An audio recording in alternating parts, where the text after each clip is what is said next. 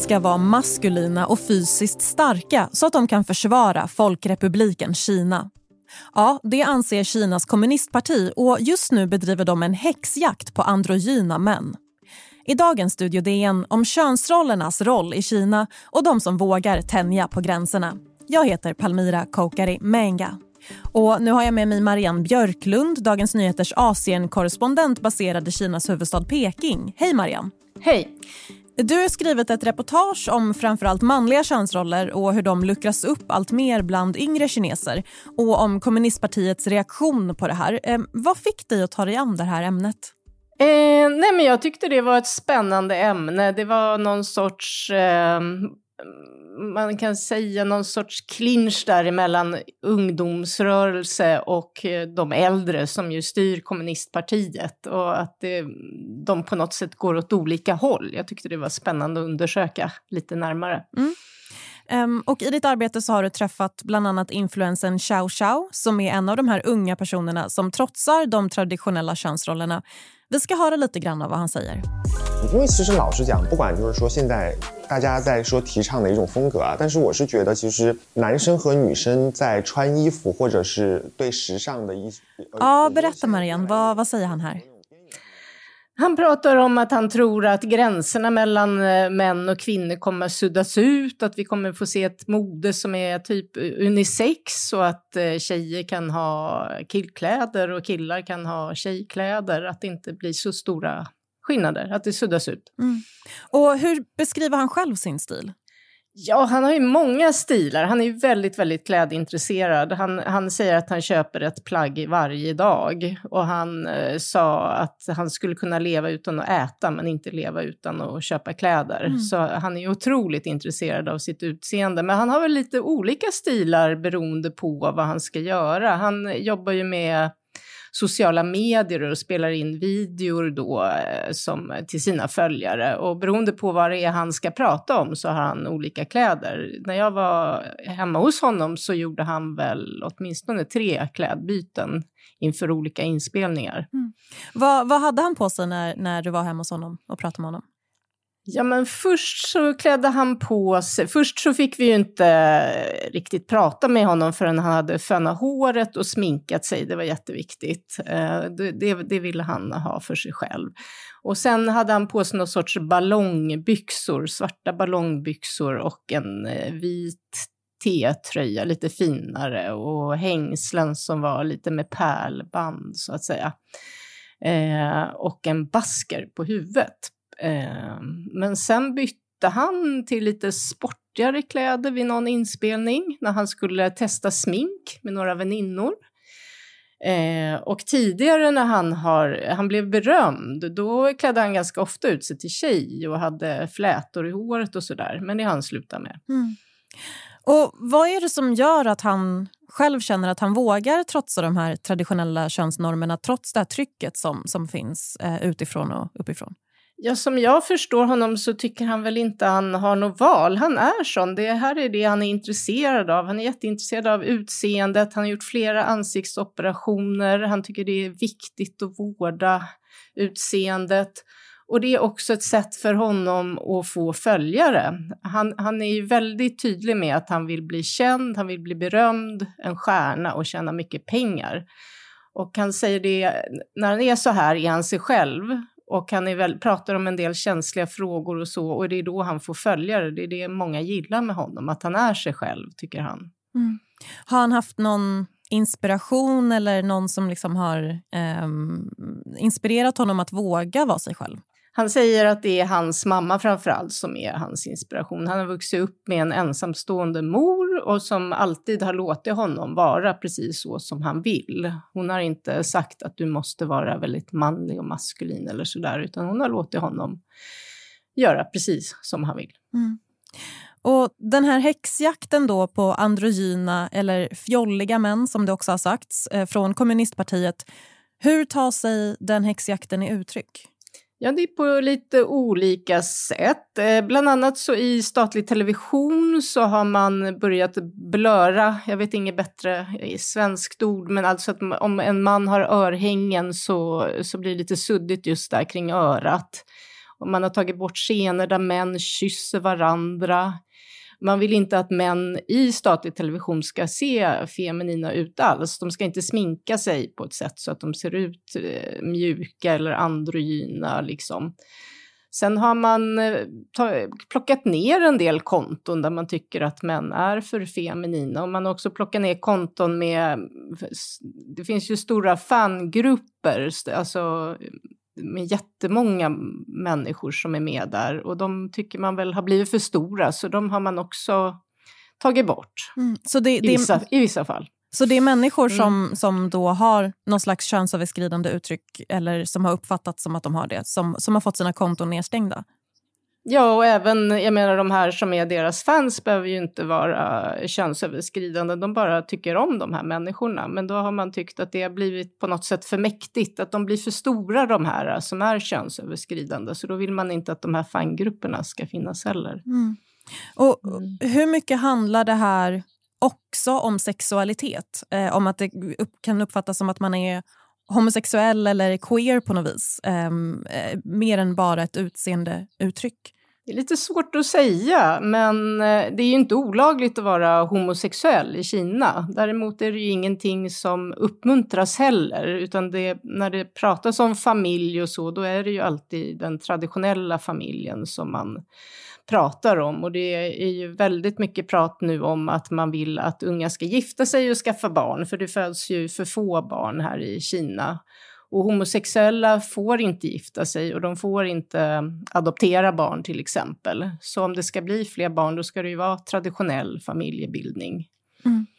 Eh, och du skriver i ditt reportage också att den här eh, kampanjen, eller vad man ska kalla det, eh, den här häxjakten eh, har intensifierats på senare tid eh, också. Hur, hur, märker man av det? Nej, men det är väl just det här med att censuren går hårdare åt. Eh, till exempel när, när eh, Bohemian Rhapsody, som handlar om, om popgruppen Queen, gick upp på biodukarna här i, i Kina, då censurerade man de delar där Freddie Mercury, sångaren, kommer ut som gay till exempel. Och man är heller inte med när han får hiv. Så det är ju ett exempel på att man intensifiera den här kampanjen. Sen har man ju en drive i skolorna då, att man tycker att pojkar ska få mer fysisk utbildning eh, och helst av manliga idrottslärare och de ska hålla på med manliga sporter som gör att de blir maskulina.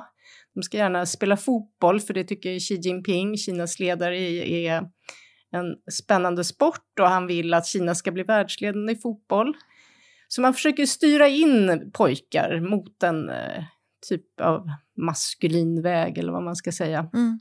Eh, och du nämnde här eh, vikten av att eh, det föds fler barn i Kina som en anledning.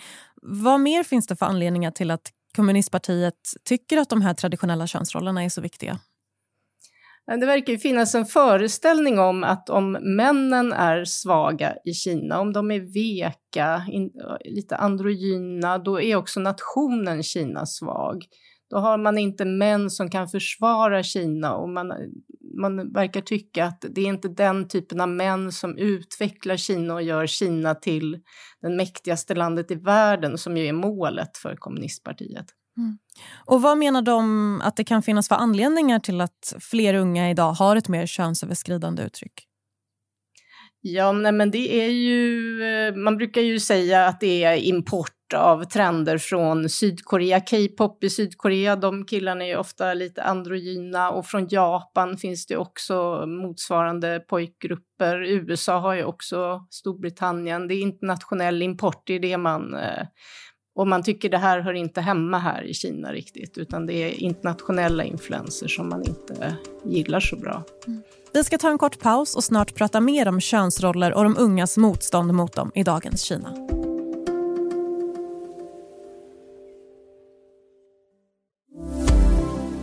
Du lyssnar på Studio DN idag med Asienkorrespondent Marianne Björklund och vi pratar om könsroller i dagens Kina.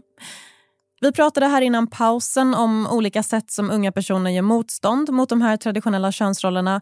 Och Marianne, du har även träffat en person som väldigt väl uppfyller den här maskulina könsnormen som ofta syns i statlig kinesisk tv.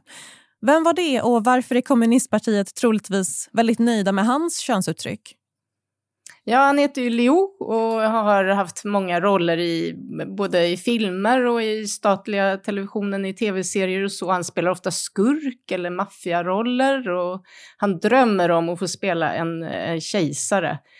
Eh, nej men han passar ju bättre in för han håller ju med om det här. Han säger män ska vara män. Det, det är den kinesiska traditionen och som han ser det de här uh, unga då lite mer könsöverskridande männen, som han ser det så är de bara ute efter att få jättemånga följare och tjäna mycket pengar. Eh, och eh, det är internationella influenser som vi pratade om förut och som han ser det så gör de ingen nytta i samhället. Det, han ser det som någon sorts ungdomstrend som ska bort mm. på något sätt. Och en del personer i offentligheten har ju vad det verkar också som anpassat sig för att undkomma den här häxjakten eller för att passa in bättre. Vad finns det för exempel på det?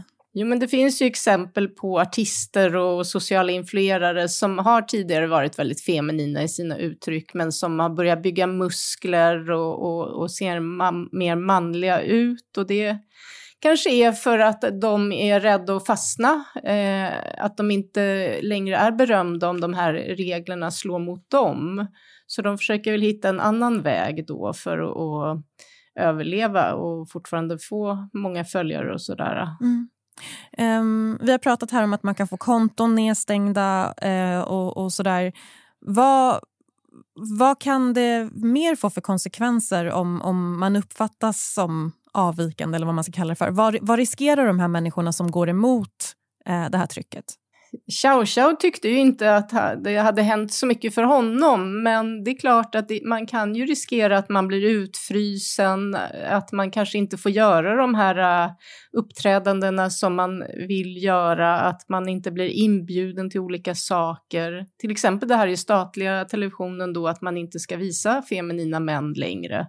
Det kan ju göra att det blir svårare att göra en karriär då, eh, till exempel. Och sen kan det ju få eh, följder att folk smyger med sin personlighet, att människor mår dåligt för de känner att här i Kina måste vi vara maskulina och man kanske inte alls känner sig så. Det kanske inte är den person som man är. Så det kan ju få till följd att folk mår väldigt dåligt. Mm. Eh, det finns ju de som också menar att det kan vara kontraproduktivt för kommunistpartiet att slå ner så hårt på könsöverskridande uttryck. Vad går det resonemanget ut på? Jo, men många av de här, de har ju miljontals följare, en del av de här uh, könsöverskridande personerna och många av dem som följer dem är ju unga, ofta unga tjejer i, i de storstäderna som kommer från medelklassen väldigt medvetna tjejer som kanske har rest utomlands och sådär. Och den typen av människor vill ju förstås kommunistpartiet ha med sig i framtiden när man eh, ska få Kina att utvecklas ännu mer och, och bli det här uh, återuppfödelsen, eller eh, som man brukar prata om, återkomsten av Kina. Då behöver man ju ha de unga med sig, och, men om man håller på så här så alienerar man ju dem det är väl den risken som finns. Och de här tjejerna känner väl redan det ibland, den här pressen att de ska gifta sig, skaffa barn. Många av dem har en annan syn på livet, de vill självförverkliga sig, de vill resa och göra andra saker. Eh, och gillar inte den pressen heller. Mm. Och det är ju en fara förstås, de unga är ju framtiden. Mm. Eh, I ditt reportage kan man också läsa att det kan vara också så att sättet att uttrycka sig via kläder och via smink och utseende kan vara en av de få friheterna som unga har i Kina. Eh, hur ser det ut?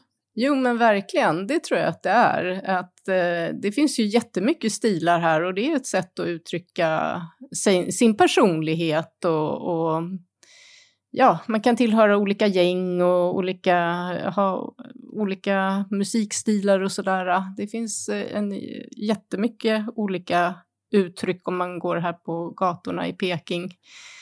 Eh, så om man inte får göra det, det är klart att det skulle vara väldigt tråkigt för alla unga. Mm. Och avslutningsvis här, var tror du att den här frågan eh, som vi har pratat om här kommer att ta vägen framöver?